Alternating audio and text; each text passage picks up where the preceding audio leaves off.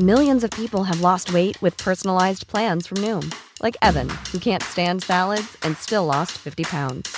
Salads, generally, for most people, are the easy button, right? For me, that wasn't an option. I never really was a salad guy. That's just not who I am. But Noom worked for me. Get your personalized plan today at Noom.com. Real Noom user compensated to provide their story. In four weeks, the typical Noom user can expect to lose one to two pounds per week. Individual results may vary. Burrow is a furniture company known for timeless design and thoughtful construction and free shipping, and that extends to their outdoor collection. Their outdoor furniture is built to withstand the elements, featuring rust-proof stainless steel hardware, weather-ready teak, and quick-dry foam cushions. For Memorial Day, get 15% off your Burrow purchase at burrow.com slash ACAST and up to 25% off outdoor. That's up to 25% off outdoor furniture at burrow.com slash ACAST.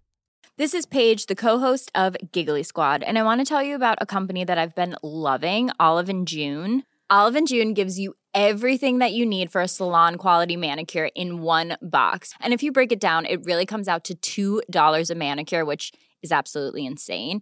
It's also so easy to get salon worthy nails at home with Olive and June. The difference between how your nails used to look when you did them yourself and now with the Manny system is a complete game changer. The best thing about Olive and June too is it's a quick dry. Dries in about one minute, lasts for five days, and full coverage in up to one to two coats. Visit oliveandjune.com slash perfectmanny20 for 20% off your first system. That's oliveandjune.com slash perfectmanny20 for 20% off your first system. Så det var ett sätt att, att underlätta samarbete och borra upp kanaler och få ordningen att ställa upp. För om Esset Pettersson hade vänt sig till ordningsavdelningen och sagt att jag behöver 100 man för dörrknackningsaktion så hade det varit svårare än när jag sa till dem. Och på den tiden hade respekt för mig. Palmemordet, Hans Holmér, del 6. Sveriges statsminister Olof Palme är död. 90 000. Ja, det är mord på Sveavägen. Hörde de säger att det är Palme som är skjuten. Mordvapnet med säkerhet är en Smith Wesson, en revolver kaliber .357. Inte ett svar. Finns inte ett svar. För jag har inget. Och jag har inte varit Varför skulle jag Polisen söker en man i 35 till 40-årsåldern med mörkt hår och lång mörk rock. Välkommen till podden Palmemordet som idag görs av mig, Dan Hörning. Det här avsnittet är skrivet av David Oskarsson och av mig själv. Om du gillar den här podden, kom ihåg att du kan stödja den på Patreon, patreon.com. Du väljer en summa du vill sponsra podden med per avsnitt och det är ett ömsesidigt avtal. Gör vi inga avsnitt dras det inga pengar. Om du tycker Patreon är bökigt så går det numera bra även med Swish. Telefonnumret finns i avsnittstexten. Kom ihåg att märka din Swish med Palmemordet eftersom jag gör flera poddar. En varning redan nu inför nästa avsnitt. I nästa avsnitt kommer vi att bryta ett tabu. Vi tar ju Palmemordet på största allvar men det finns folk som haft anledning att skämta om främst Palmeutredningens arbete och i nästa avsnitt kommer en gäst som är expert på ämnet humor och Palmemordet. Om du inte tycker det är en bra idé, lyssna inte på nästa avsnitt. Gästen i nästa avsnitt är också en direkt inspirationskälla till mig att starta den här podden och jag har försökt få honom att vara med i podden i fem år. Tillbaks till Hans Holmér. Vi närmar oss den 15 mars 1986 så Hans Holmér är väldigt bekymrad inför Olof Palmes begravning. Tänk om hela Palmemordet bara var ett trick för att få en massa viktiga politiker att vallfärda till Stockholm och då skulle den riktiga attacken komma. Den 15 mars begravs Olof Palme. Polisöverintendent Sune Sandström ansvarar för säkerheten vid begravningen och många poliser från Palmeutredningen måste hjälpa till att hålla ordning och beskydda alla viktiga gäster. Det är folk från 157 nationer som kommer för att ge Olof Palme ett sista avsked.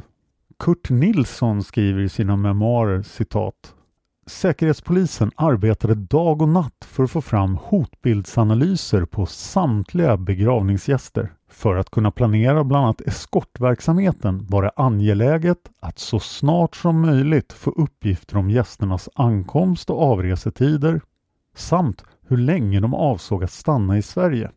Beskeden var också angelägna för planeringen av de inre bevakningarna av i första hand hotellen.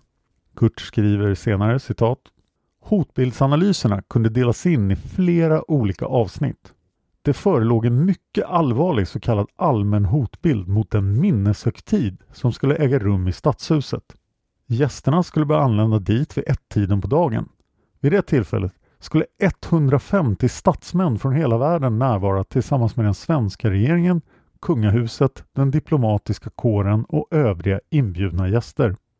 Den eller de som hade mördat statsministern befann sig på fri fot och det hade inte framkommit något som kunde utesluta att en terroristorganisation låg bakom mordet. För spaningsledningen, med vilken vi hade dagliga kontakter, utgjorde detta en viktig arbetshypotes. Slut citat. En terrororganisation skulle ju kunna angripa själva ceremonin i stadshuset. Det spekulerades till och med att stadshuset självt kunde attackeras med robotar eller flygplan. För att förhindra det infördes ett flygförbud över hela Stockholm mellan klockan 13 och 18. Dessutom tog man in militärflygplan för att se till att man hade kvar kontrollen över luftrummet. Det händer ingenting på begravningen ur säkerhetssynpunkt. Det kommer inga stridsflygplan, ingen försöker spränga stadshuset. Den 15 mars, den 16 mars och den 17 mars hålls förhör med Viktor Gunnarsson. Onsdagen den 19 mars genomför Holmers palmutredning äntligen dörrknackning i området runt mordplatsen. Eftersom det är Hans Holmér som är ansvarig blir det ingen vanlig operation dörrknackning. Istället sätter Holmér sitt eget pretentiösa namn på det hela. Det blir nu istället Operation Brunkeberg. Operationen innefattar 158 poliser som knackar på allt som liknar en dörr i 35 kvarter runt mordplatsen i Stockholm city. Notera alltså att det här är 19 dagar efter mordet. Operation Brunkeberg noterar att det finns dörrar där ingen öppnar. Men de har planerat för det alternativet. Om man inte är hemma får man en lapp med några frågor och en uppmaning att höra av sig till palmutredningen om man råkar veta vem som är gärningsmannen. Trots den stora insatsen kommer inte fram någonting av värde. Ingenting. Nada. Det här blir kritiserat men innan vi tar upp kritiken ska jag nämna att jag kommer låta Hans Holmér själv komma till tals i slutavsnittet och berätta hur han såg på den här operationen. Där han också kommer att förneka att han var den som ledde den. Gunnar Wall kommenterar Operation Brunkeberg i sin bok Mörkläggning citat.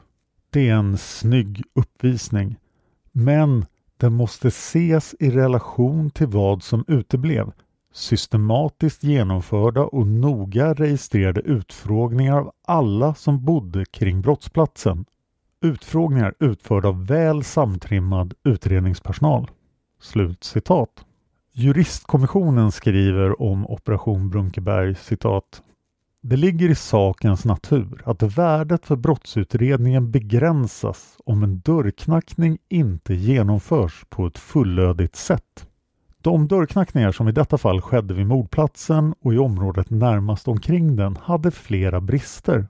De var inte fullständiga och de gjordes inte på ett enhetligt sätt.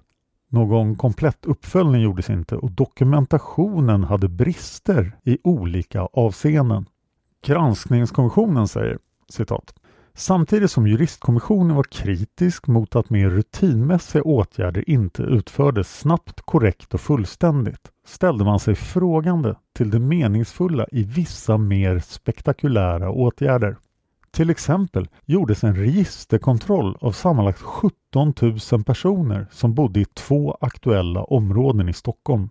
Ett annat exempel var ett uppdrag till en extern konsult att dataregistrera samtliga hotellkort. Det var 53 000 stycken. från Stockholmstrakten under en fyra veckors period. Arbetet tog nästan två månader att utföra. Ännu ett exempel som juristkommissionen nämnde i sammanhanget var den omfattande dörrknackningsoperation som med hjälp av en citat massiv personalinsats slutcitat genomfördes under tre timmar den 19 mars 1986. Den omfattade 35 kvarter och bedömdes ha berört 10 000 personer. Juristkommissionen ansåg åtgärderna ovanliga men ville ändå inte kritisera dem eftersom alla möjligheter att klara upp brottet givetvis skulle tas tillvara. Den som läser bakgrundsredogörelsen betvivlar dock knappast att juristkommissionen ifrågasatte meningen med åtgärderna. Redogörelsen omfattar även andra åtgärder än de nämnda. Den förstärker intrycket av improvisation och bristande konsekvens i utredningsarbetet. Slutcitat. Granskningskommissionen tog även in en sakkunnig från polisen, Bengt-Åke Jonsson, för att bedöma vissa polisiära åtgärder. Bengt-Åke tyckte följande om dörrknackningarna. Citat från sid 269 i Granskningskommissionen. Granskningskommissionen har som ovan nämnts uppdraget åt polisöverintendenten Bengt-Åke Jonsson som har medverkat som expert i kommissionen att granska palmutredningsmaterialet i denna del. Enligt Bengt-Åke bör man skilja mellan å ena sidan de upplysningar som den polispersonal som kommer först till brottsplatsen inhämtar från vittnen, närboende etc. i syfte att i omedelbar anslutning till brottet försöka gripa gärningsmannen och å andra sidan de upplysningar som polisen i senare skeden bestämmer sig för att inhämta från personer som bor eller arbetar i brottsområdet. Det är det sistnämnda som brukar kallas dörrknackning. Bengt och Jonsson Dörrknackningen inledes med att den för aktionen ansvarig med all personal som ska delta går igenom upplägget och ändamålet med aktionen.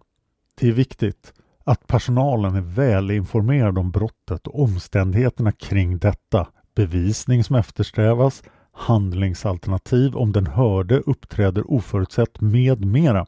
Ett upprättat frågeformulär genomgås därefter noggrant och kommenteras. De polismän som genomför dörrknackningen får under inga förhållanden nöja sig med några kortfattade frågor och svar stående i dörren. Polismännen måste ibland försöka övertala den person som efter en påringning öppnar att få komma in och börja samtala om händelsen. Polismännen får under inga förhållanden acceptera att bli avspisade av ovilliga personer. Det gäller, som en engelsk polisman har uttryckt det, att komma innanför dörren, hänga av sig rocken, sitta ner och skapa förtrolighet, gärna vid en kopp kaffe. Först då en kontakt har skapats med den uppsökte personen kan uppgifter komma fram som visar sig värdefulla. Bengt-Åke Jonsson redovisade efter en genomgång av den dokumentation av dörrknackningsoperationer som finns i palmutredningens material ett antal mycket påtagliga brister i detta. Han drog följande slutsats. För mig framstår det sålunda som uppenbart att dörrknackningsåtgärderna veckorna efter mordet på statsministern inte genomfördes på ett planmässigt och välorganiserat sätt. De bar istället improvisationens prägel. I de fall åtgärderna genomfördes av polispersonal med vana vid utredningsuppgifter är dokumentationen relativt tillfredsställande, vilket däremot inte är fallet då åtgärderna genomfördes av polismän tillhörande andra arbetsenheter inom Stockholmspolisen. Hans Holmér kallas till statsminister Ingvar Carlssons onsdagsmöte. Där får han berätta om spaningsläget för statsministern samt svara på frågor om behovet av livvakter för partiledarna. Väl tillbaka på polishuset försöker Hans Holmér planera klart inför häktningsförhandlingen för Viktor Gunnarsson. Den ska ske nästa dag. Hans Holmér tänker sig förstås ett stort pådrag inför häktningsförhandlingen. Själva häktningsförhandlingen ska hållas i sal 200 i polishuset, samma sal där Hans Holmér håller sina presskonferenser. Holmér har dragit igång ett jättestort säkerhetspådrag. If you're looking for plump lips that last, you need to know about Juvederm lip fillers. With Juvederm Volbella XC and Juvederm Ultra XC, your lip look, whether it's subtle or bold, can last up to one full year with optimal treatment and no additional maintenance. Find a licensed specialist and see if it's right for you at juvederm.com today. That's J U V E D E R M.com. Add fullness to lips in adults over 21 with Juvederm Volbella XC or Juvederm Ultra XC. Do not use if you have severe allergies or a history of severe allergic reactions, or if you're allergic to lidocaine or the proteins used in Juvederm. Tell your doctor if you have a history of scarring or taking medicines that decrease the body's immune response or that can prolong bleeding. Common side effects include injection site redness, swelling, pain, tenderness, firmness, lumps, bumps, bruising, discoloration, or itching. As with all fillers, there's a rare risk of unintentional injection into a blood vessel, which can cause vision abnormalities, blindness, stroke, temporary scabs, or scarring. For full important safety information, visit juvederm.com. Millions of people have lost weight with personalized plans from Noom, like Evan, who can't stand salads and still lost 50 pounds. Salads, generally, for most people, are the easy button, right? For me, that wasn't an option. I never really was a salad guy. That's just not who I am. But Noom worked for me. Get your personalized plan today at Noom.com. Real Noom user compensated to provide their story. In four weeks, the typical Noom user can expect to lose one to two pounds per week. Individual results may vary. Hey, Dave. Yeah, Randy. Since we founded Bombus, we've always said our socks, underwear, and t shirts are super soft. Any new ideas? Maybe sublimely soft. Or disgustingly cozy. Wait, what? I got it. Bombus. Absurdly comfortable essentials for yourself and for those facing homelessness. Because one purchased equals one donated. Wow, did we just write an ad? Yes. Bombas. Big comfort for everyone. Go to bombas.com slash ACAST and use code ACAST for 20% off your first purchase. Alla som kommer ska muddras och gå igenom säkerhetskontroller.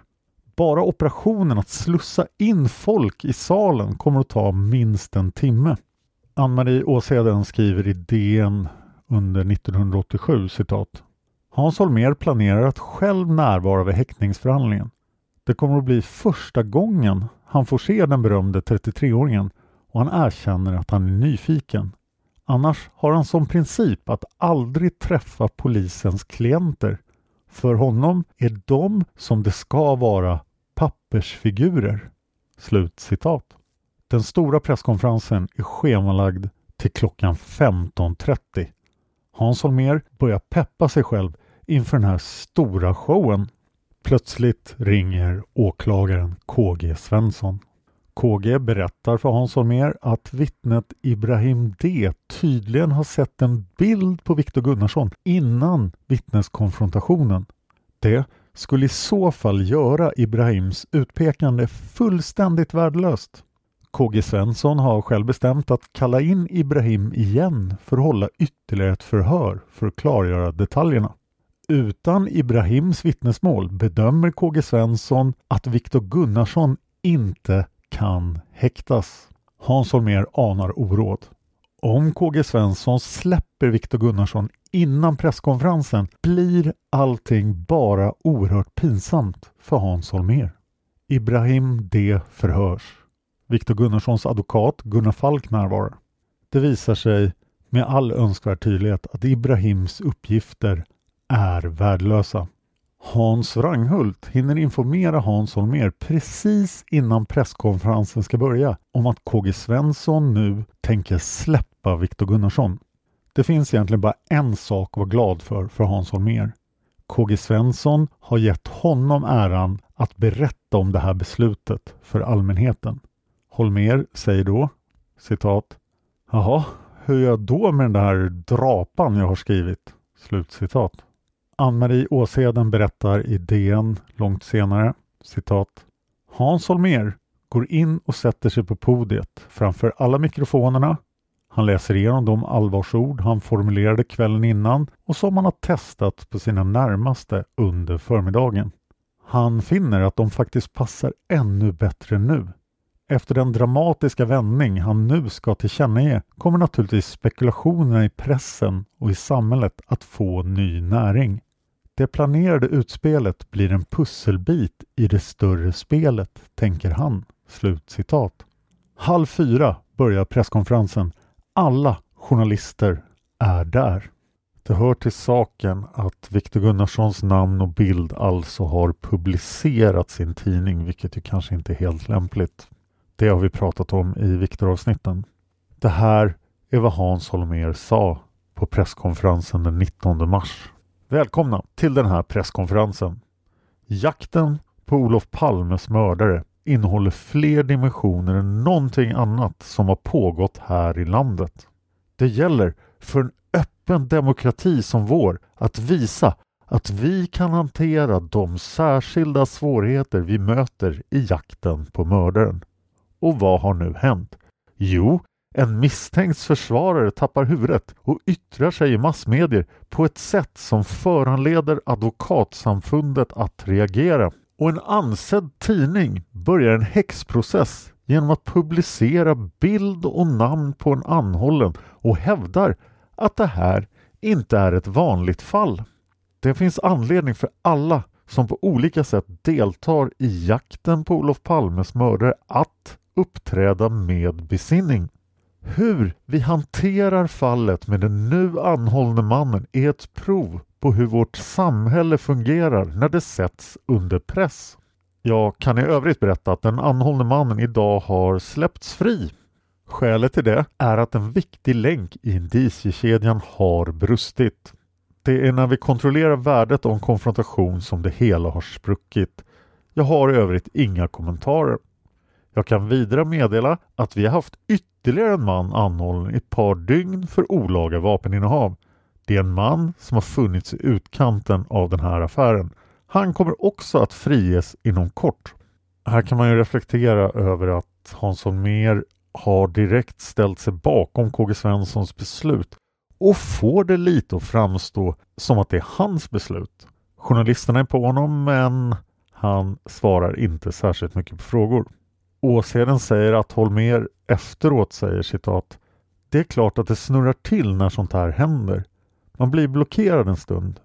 Jag skulle ha gått till häktningsförhandlingen men det hjälper inte nu vad jag tycker. Den professionella synpunkten man måste ha på det här är att det är viktigt att städa bort en sån här misstanke. Vi har fortfarande en hel del lösa tampar beträffande 33-åringen. Vi har en jacka som är på teknisk undersökning som vi inte fått svar om än. Vad händer om Wiesbaden inte kan utesluta att tändsatspartiklarna kommer från Winchester-ammunition? Och sedan berättar att alla undrar vad som har hänt i polishuset. Wranghult berättar lite senare för Holmer att han hade passerat våldsroten på sin väg till KG Svensson för att höra hur förhöret hade gått. Och sedan berättar i DN att kriminalarna då hade sagt till Wranghult att förhöret gick bra och att Ibrahim var helt säker på att det var Viktor Gunnarsson. Sen hade Wranghult gått till KG Svensson och KG Svensson hade sagt citat ”det här håller inte”.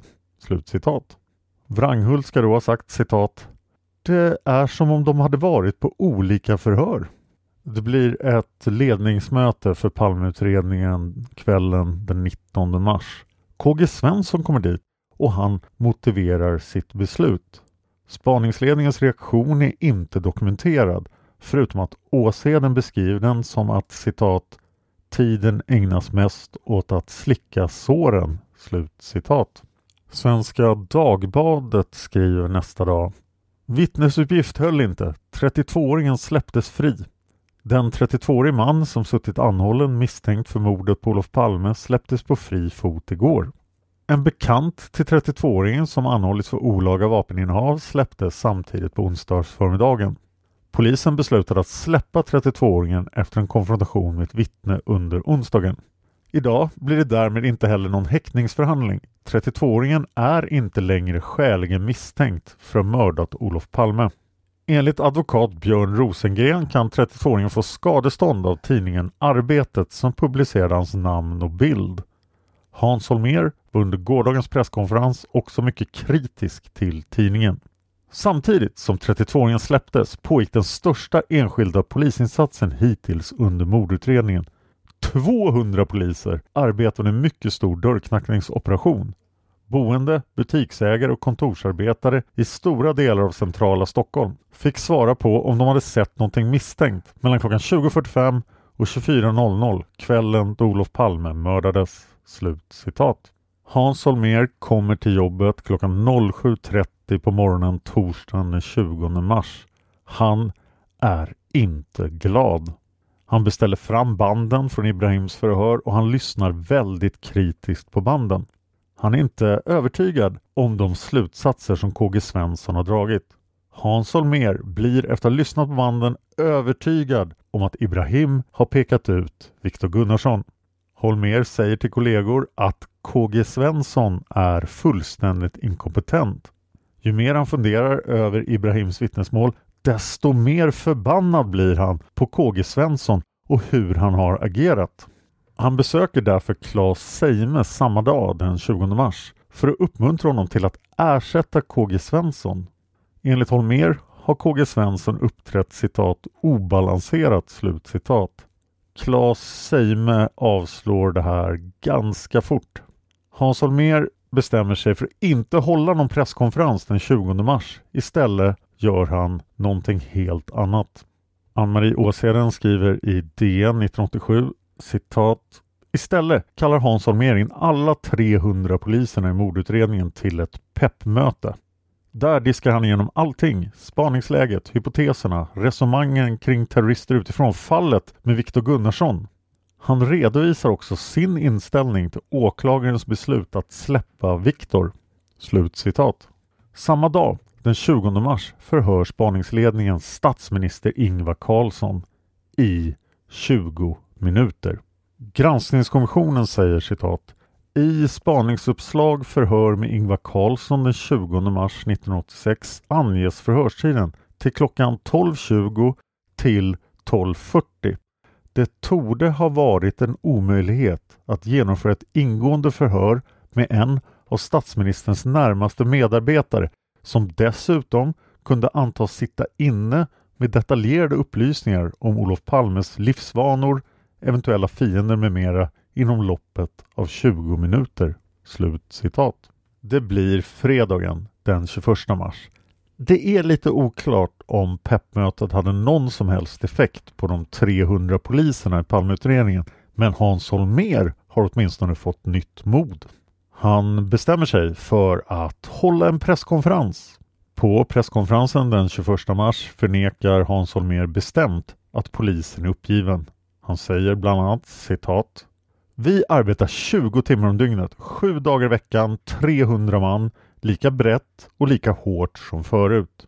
Det tar naturligtvis en massa adrenalin att hantera 14 000 tips. I det här sammanhanget hör Churchills slitna ord hemma. Detta är inte början på slutet. Det är slutet på början. Slut citat.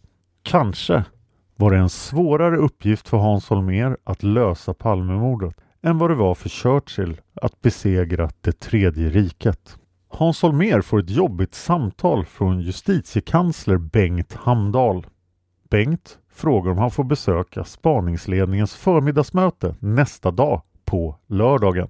Bengt berättar för Hans Holmér att han har fått flera uppmaningar att han borde granska mordutredningen. Hans Holmér försöker behärska sig och svarar artigt men kyligt att givetvis är Bengt Hamdahl välkommen till förmiddagsmötet på lördagen. Senare under fredagen går spaningsledningen igenom sin tio topplista över möjliga spår. Den listan hade man gärna tittat på men den är tyvärr inte tillgänglig.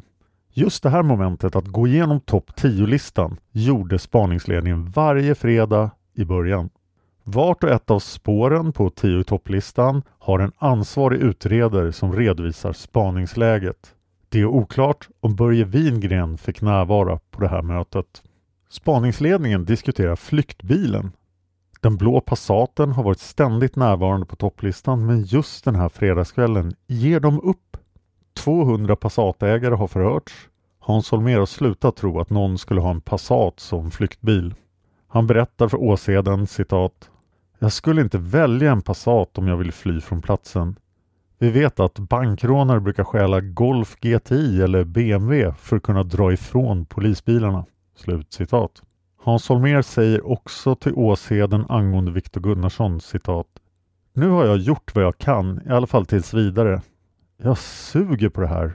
Jag vet inte riktigt. Slut citat. Holmér berättar också för ledningsgruppen att justitiekansler Bengt Hamdahl ska besöka nästa möte på lördagsförmiddagen nästa dag, den 22 mars. Åsheden skriver citat på fredagskvällen hade Holmér beordrat sina medarbetare att sova med papiljotter på natten, vilket på polishumorns språk uttrycker känslan inför justitiekanslerns granskningsuppdrag. Slut citat. Under tiden sitter ett antal handplockade dataoperatörer som jobbar för Palmeutredningen vid den supermoderna spaningsdatorn som jag antar har ungefär en tusendel av datakraften hos din mobiltelefon. De har sammanställt flera hundra vittnesuppgifter från mordplatsens närhet på mordkvällen. De försöker hitta några gemensamma drag från vittnesmålen för att få ett bättre signalement på gärningsmannen. Trots deras fantastiska dator kan de bara konstatera att gärningsmannen måste vara citat kraftig. Slut citat. BKA hittar någonting på Viktor Gunnarssons ärm. Svenska Dagbladet skriver den 22 mars Vapenspår, säkert bevis. Polisen har fått bevis som kan fälla Olof Palmes mördare. På paret Palmes kläder har man hittat spår av tändsatsen från kulan som dödade statsministern. Hittas spår från samma tändsats på en misstänkt person kläder är han bunden vid det dödande skottet. Tändsatsen kan till skillnad från krutet i patronerna spåras. Dess bevisvärde är högt. Det anses nästan lika säkert som ett fingeravtryck.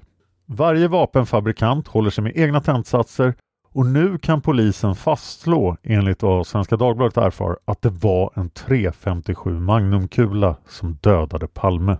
Slut citat. Stärkt av det här är Hans Holmér på lördagsmorgonen den 22 mars trots allt ute efter Viktor Gunnarsson igen.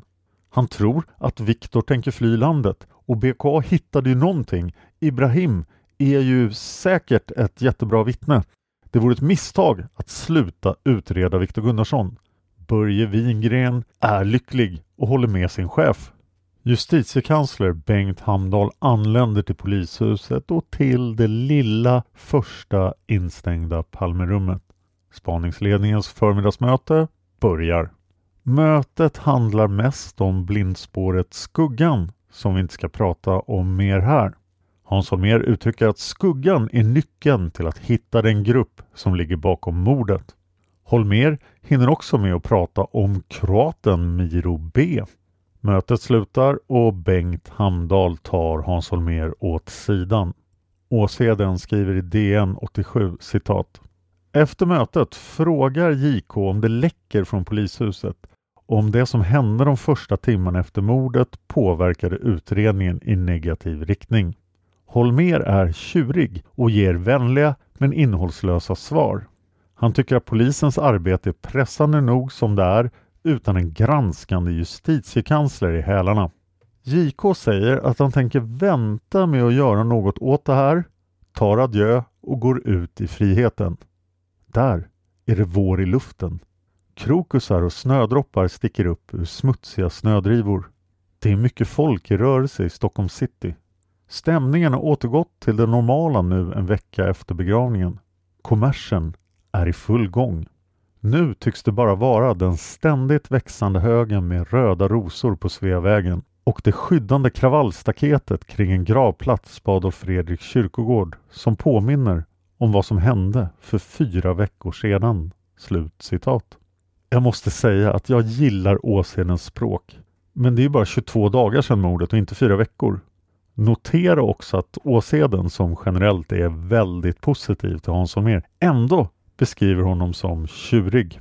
Nu ska vi lyssna på två klipp från juristkommissionens förhör med Hans Holmér. Det första handlar om ledningsgruppens organisation och om Operation Brunkeberg, alltså dörrknackningen. Det andra klippet handlar också om spaningsledningens organisation plus samarbetet med KG Svensson fram till att Viktor Gunnarsson släpps fri.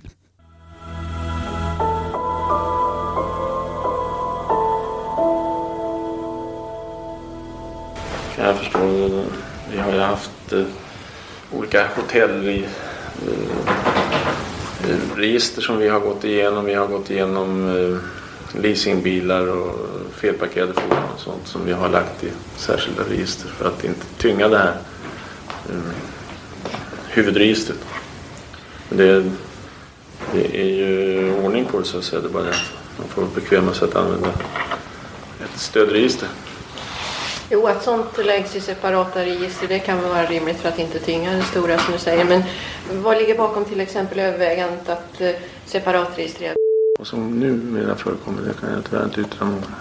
Nej, okej, det kan jag hålla med Vad gjorde ni rent generellt för att tillgodose önskemålet att få bästa tänkbara personal i det här ärendet för att engagera erfarna mordutredare och så vidare. Gjorde ni från ledningsgruppens sida några övervägande när det gäller kvaliteten på personalen? Ja, vi satte de bästa vi hade. Och hur valde du ut dem? Genom att sätta dit våldsroten. Med Nils Linder i spetsen. Det var också skälet till att jag bad Nils Linder att gå kvar efter pensioneringen. Som någon slags konsult. Det finns ju kanske även utanför Stockholm folk med denna speciella eh, kunskap, typ på Rikskrims våldsrot. Eller du kan ju hitta kanske vana våldsutredare i ett sånt distrikt som Hudding och så vidare. Övervägde ni att plocka in de resurserna för att förstärka? Ja, Rikskrims resurser hade vi genom Tommy Lindström. Vi hade alltså, det var hans sak att avgöra vilka han ville ha inne i bilden när vi arbetade. För själva mordutredningen var det väsentligt i ur arbetsmoralisk synpunkt om inte annat att eh, våldsroten i Stockholm skulle vara huvudansvarig för mordspaningarna. Och eh, sen kan man alltid diskutera eh, vilken enhet i Sverige som är bäst på det här. Men eh, enligt min uppfattning så, så är det lite tvisten på själv tror jag. Jag tror att Rikskrim och, och första roten i Stockholm är lika bra. Jo, men oavsett vad man anser om det så var detta ett mycket stort ärende och min fråga är ju snarast den ansåg ni er behöva ytterligare erfarna mordutredare utöver vad Men ni Du kan inte säga så här? oavsett vad man tycker om det när jag just har sagt varför. Två viktiga frågor. Va? Jag tycker våldsroten i Stockholm är eh, utomordentligt skicklig enligt att ha klarat av många svåra mord. Va? Och dessutom så, så är det då en arbetsmoralisk fråga att, att låta våldsroten i Stockholm sköta den här frågan. Det kan jag inte bortse ifrån. Det, det är de tunga motiven för detta. Men får jag bara komplettera eh, en fråga? När, när du, du, ni använder utav eller la ut en uppgift så att säga på, på eller som Rikskrim eller Tommy Lindström ja. ledningsgrupp. Så fick han alltså en uppgift och, och sen la ni inte i så att säga hur han löste den. Med vem han löste den, hur många gubbar han använde Nej. eller om han hämtade in ifrån från sin regionala organisation eller vad som helst. Nej, precis samma sak som när vi la ut en uppgift då i spaningsledning på våldsroten. Så mm. fick Nils Linder lösa den precis som han ville. Kunde han göra det med en gubbe så var det bra. Behövde han tio så fick han använda det. Ja, det, det, det vet jag än idag inte hur han har löst olika uppgifter. Så att eh, ni hade så att säga inte Andersson, Pettersson, Karlsson och Nilsson till er disposition och så satt de och väntade på att ni skulle få order att göra någonting. Nej, det, det var alltså Uh, ifrån spaningsledningen har det alltså skett en, en decentralisering och delegering på vanligt sätt. Utan det var... Ni ville ha en uppgift löst och sen fick den lösas ja. hur fan som helst. Ja, precis, och det viktiga var det att, att uh, fördelningen av, av arbetsuppgifter och att knyta ihop de olika trådarna och spåren på ett eh, vettigt sätt. Det var det som var, var säga, komplikationerna. Ja, och ledningsgruppens uppgift. Ja, just Och det, det, var därför som, som man har hamnat så, så snett när man har pratat om ifrån åklagarhåll att vi vill prata med utredarna på KK1. Därför då har man fått den här biten och det har lett till ett antal missförstånd och, och eh, onödiga utspel hitan och ditan. Därför att man har, man har aldrig fått den samlade bilden när man har gjort på det sättet. Den samlade bilden den har alltså enbart enligt din mening funnits i ledningsgruppen? Ja, det är, det är ett faktum att det är så.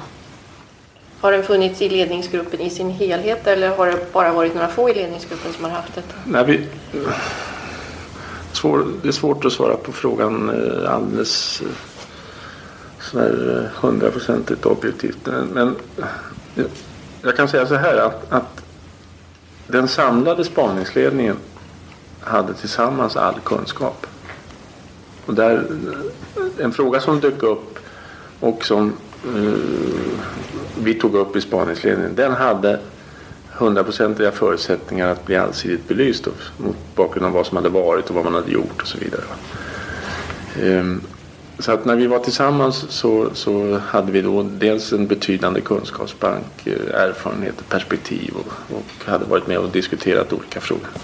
Så, långt är, är det rätt. Va? Sen är det naturligtvis så att några av oss i spaningsledningen visste mer om de sammanhängande eh, problemen än andra. Va? Jag och Wranghult, eh, någon mån Nils Linder, Tommy Lindström kanske hade, hade eh, större överblick än de andra. Eftersom vi var inblandade i så många. Det blev naturligtvis så att om, om jag la ut en, en fråga till eh, Rikskrim via Tommy Lindström och en fråga till Nils Linde så var Tommy Lindström inte lika intresserad för den uppgiften som hamnade på Linders bord som jag var. Så, så att på så sätt så, så, kan man säga att, att några av oss hade större förutsättningar att, att veta mer än andra. Men, men eh, det var egentligen den samlade spaningsledningen som, som hade en, en, en bra kunskap om man säger så. Dörrknackningsaktionerna, tog man från ledningens sida någon del i hur de planerades, genomfördes och redovisades? Ja, det redovisades till oss. Men var ni alltså med och aktivt planerade eller var det en uppgift ni bara la ut? Till ja, den, den lades ut på samma sätt. Eh, jag tror att den här större samlande aktionen som gjordes samtidigt som vi tog fram bilden på den så kallade skuggan. Min minnesbild är att det var S.L. Pettersson som fick ansvaret för den. Tillsammans med personal från ordningsavdelningen och så. så att det, ja, det var återigen en sån här en arbetsfördelningsfråga som föll på mitt bord. Och tekniken för detsammans genomförande, tidsutdräkt, koncentration och sånt, det, det la ni inte i? Nej. Inte resursanvändning? Jo, eller? jo jag, jag vet att, man, att vi eh, ordnade så att ordningspolispersonal ställdes upp i den här stora breda aktionen. Det här var nu en, en sista sån här, det förekom ju ett antal på, på vägen fram. Men det här var, var en som krävde lite mera... Men SL sa att han behövde ett antal gubbar och så fick han dem? Det fick han dem. Och jag tror att... Eh, jo, han... Eh, jag såg till att han fick kontakt med en intendent på ordningsavdelningen. Så, så gjorde de upp hur mycket folk som behövdes. Så det var ett sätt att, att underlätta samarbete och borra upp kanaler och få ordningen att ställa upp. För om Esset Pettersson hade vänt sig till ordningsavdelningen och sagt att jag behöver 100 man för dörrknackningsaktion så hade det varit svårare än när jag sa till dem. Och på den tiden hade respekt för mig. Respekten var väl kvar. Det var det att vi saknar stjärnorna. Vi är på väg att förlora dem. Eh, var det ni själva i ledningsgruppen som också tog initiativ till vissa av de här aktionerna? Ja, den här eh, i, eh, i den här dörrknackningsaktionen då som, som ägde rum någon gång 18-19 mars. Vadå? 18-19 mars är den typen? Ja, den här större mm. som kom en tid efter. Va? Den, den kom fram ur våra resonemang. Och i det sammanhanget så föddes också tanken på att man skulle göra en sista samlande aktion och lämna ut eh, ett upprop till folk som bodde i kvarteret om att kontakta polisen om de inte redan hade gjort. Och så det här skedde. Det ledde fram till den här mera mm, den, den, den största dörrknackningsaktionen som har funnits. Tyckte du att det var en vettig uppläggning på den att gå ut med så många man, göra den på en dag och i den här stencilformen? Ja. Jag vet inte. Jag har inte fått något negativt av det direkt. Är det något särskilt du tänker på? Nej, man kan ju ifrågasätta en dörrknackningsaktion som omfattar så stor yta och så många personer när man inte har någon uppföljning egentligen av eh, vilka man träffar och, Det är mycket man kan ifrågasätta. Men du menar att det, det, finns inget skäl att göra det i det här fallet? Ja, det är klart man kan efteråt sätta sig och grunna om det var rätt. Men just, jag kan inte säga att det var fel. gav det något som det nu utformades? Ja, vi fick upp en del tips. Om det nu är någonting att ha eller inte, det vet jag inte. Det, det kommer jag att tänka på. Så att en hel del, jag ska inte säga en hel del, men det, det, för, det kom kontakter utav det.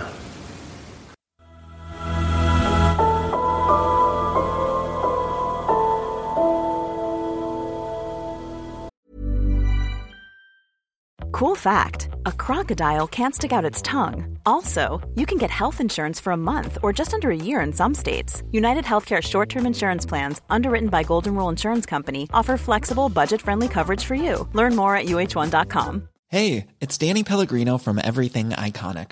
Ready to upgrade your style game without blowing your budget? Check out Quince. They've got all the good stuff shirts and polos, activewear, and fine leather goods all at 50 to 80% less than other high-end brands. And the best part? They're all about safe, ethical, and responsible manufacturing. Get that luxury vibe without the luxury price tag. Hit up quince.com slash upgrade for free shipping and 365-day returns on your next order. That's quince.com slash upgrade. Even when we're on a budget, we still deserve nice things. Quince is a place to scoop up stunning high end goods for 50 to 80% less than similar brands. They have buttery soft cashmere sweaters starting at $50, luxurious Italian leather bags, and so much more. Plus, Quince only works with factories that use safe, ethical, and responsible manufacturing. Get the high-end goods you'll love without the high price tag with Quince. Go to quince.com slash style for free shipping and 365-day returns. Eh, kan du möjligen, eh, för att ytterligare klargöra någonting om vad ni arbetade med och hur ni arbetade, vilka uppgifter ni hade inom ledningsgruppen, ge oss en förklaring. Den 5 mars i protokoll finns det antecknat att ni har en ledningsgrupp som består av Holmer, Wranghult, S.L. Pettersson och Lindström och en operativ grupp som består av S.L. Pettersson och Linder, en tipsgrupp som består av Irvell, Åke Svensson och Härling. Ytterligare finns det en spangrupp, en utredningsgrupp och rikskrimärenden. Mm. Kan du för oss skilja ur vad de olika delarna har? Det här är då, ja, det, här är då det som eh, så småningom sätter sig då efter några dagar som, som den slutliga organisationen. Så det här är då olika grupper inom ledningen som vi hade i början. För att se vad, vad, vad, vi så småningom hamnade. Men eh, vi, den här gruppen med, med mig och, och Wranghult och Lindström och Esse Pettersson, det var det första eh, försöket att eh, göra samlade bedömningar utav det, det läge vi då hade. Så att vi, vi hade den som en kärna i det här. Och i, i, det arbete som vi då la ner genom diskussioner och annat ledde sen fram till att vi hade den här, den här större spaningsledningen. Det visade sig att, att eh, det var omöjligt att hålla ihop det här om inte alla satt med så att säga. Så den här tanken att ha en något mindre grupp som skulle leda, det sprack därför att, att det var så brett så vi måste vara flera. Så att eh, just den här ledningsgruppen på fyra, det, det, det, var den första tanken vi hade att så kanske vi kan jobba. Va? Men det gick inte. Va? Utan vi, vi fann att det var bättre då att ha våldsrotelchefen och tekniska roteln, spanchefen och så vidare. Så att, att vi blev på det här sättet, säg ett dussin. Så det var en utvecklingsfas? Ja, det, det var någon slags försök va? Eller, eller, eller förberedande organisation. Hur arbetade ledningsgruppen i förhållande till åklagaren och diskuterade man om åklagaren skulle vara med i ledningsgruppen? Ja, under de här månaderna så har, har det varit något olika uppfattningar från åklagarnas sida till, till ledningsgruppen. Ja, men om du börjar från början? Ja, från början var det ju så att vi, vi hade ju bara en åklagare standby. Eh, K. Svensson eh, gick ju inte in för en, i samband med eh, den 12 mars då han eh, anhöll Gunnarsson. Eh, det anmäldes tidigt till oss att det var KG Svensson som skulle anmälas om det visade sig att, att någon blev skäligen misstänkt. Man tog alltså från åklageriet inte över förundersökningsledningen i början. Vilket man i och för sig kunde ha gjort, men det gjorde man inte. Och eh, det visade sig också att eh, man var tämligen bestämd på just den här punkten att man skulle bara gå in så fort någon var skäligen misstänkt. I, i slutet av den första veckan, alltså det måste bli då 7-8 maj någonting sådär. Då, mars? Ja, mars. Eh, då äh, ringde KG Svensson en morgon till oss i spaningsledningen och sa det att han eh, hade blivit störd på natten av ett hämtningsbeslut och det ville han inte vara med om. Och då sa vi det att det, det måste bero på att man har missuppfattat det här för att det var inte meningen. Men eh, han markerade då klart att han var bara intresserad om, om det, han kom upp på den här skäliga misstankegraden. Eh, Diskuterade vi någon gång möjligheten av att han skulle vara med i den? Ja, det har vi ju. Det har också framförts till KG Svensson under olika, i olika sammanhang. I det tidiga skedet eller i ett senare Nej, skede? ja, nu så visar det sig att det jag nu beskriv, har, hittills har beskrivit visar att han, han ville överhuvudtaget inte engagera sig förrän det kom in någon som var skäligen misstänkt. Så då var ju han ointresserad att komma till oss. Sen eh, när eh, den, den 12 mars kom och han tog över så var han ju då i täta kontakter med oss. Han visste om det här och eh, eh det var tämligen öppet att han kunde komma. Något annat resonemang fördes inte mellan oss. Men erbjöd ni honom direkt eller sa att du borde ta en plats i ledningsgruppen? Jag vet inte hur resonemangen har förts helt och hållet. Jag har inte resonerat så med honom. Han eh, hade en ganska klar bild hur han ville driva sitt arbete med Gunnar. Och vi hade då eh, täta kontakter med honom ifrån Ragnhilds och min sida.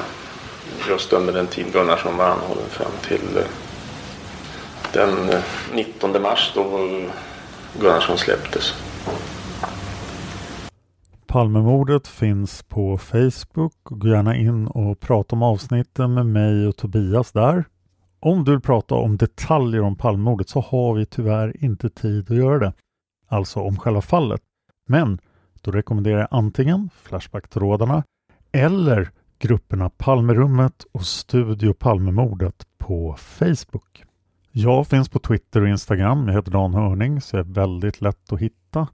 Där kan ni även se alla mina andra poddar. Jag vill jättegärna ha iTunes-recensioner för Palmordet. Palmordet har ett väldigt högt betyg på iTunes och jag lovar att jag eller Tobias kommer att läsa upp alla iTunes-recensioner i podden. Om du gillar olösta mord och svenska mordmysterier så kan jag rekommendera min podd Olösta mord. Bra namn, eller hur? Där tar vi just nu upp fallet Sven Sjögren. Fallet Sven Sjögren är Gotlands största olösta fall. Det är också det enda försvinnandet från det gotländska fastlandet mellan år 1900 och 2009. I en stor mängd avsnitt tar vi upp det här fallet och ett annat försvinnande som sker i Ösmo utanför Nynäshamn på 70-talet.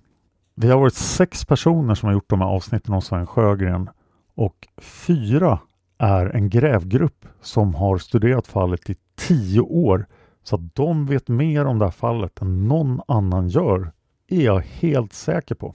Hela serien om Sven Sjögren kommer även att resultera i en bok som kommer att komma ut när serien är klar. Som skrivs av den huvudsakliga manusförfattaren Urban Järdek. Tack till alla som sponsrar Palmemordet på Patreon. Det är superviktigt. När vi kommer upp till 500 dollar igen så blir det fler avsnitt av Polisspåret. Vi är inte klara med det. Tack till Lukas för musiken. Tack till expertgruppen, vår jurist och våra researchassistenter. Tack till Tobias för allt han gör för den här podden. Tack till David för det här manuset om Hans Holmér. Och tack till dig för att du lyssnar på Palmemordet. Man hittar Palmes mördare och man följer PKK-spåret till botten. Därför att ända sedan Julius Caesars tid har jag aldrig hört talas om ett mord på en framstående politiker som inte haft politiska skäl. Polisens och åklagarens teori var att han ensam hade skjutit Olof Palme. Och det ledde också till rättegång. Men han frikändes i hovrätten. Nu ska vi ut på rövarstråt. Vi ska ut och röva.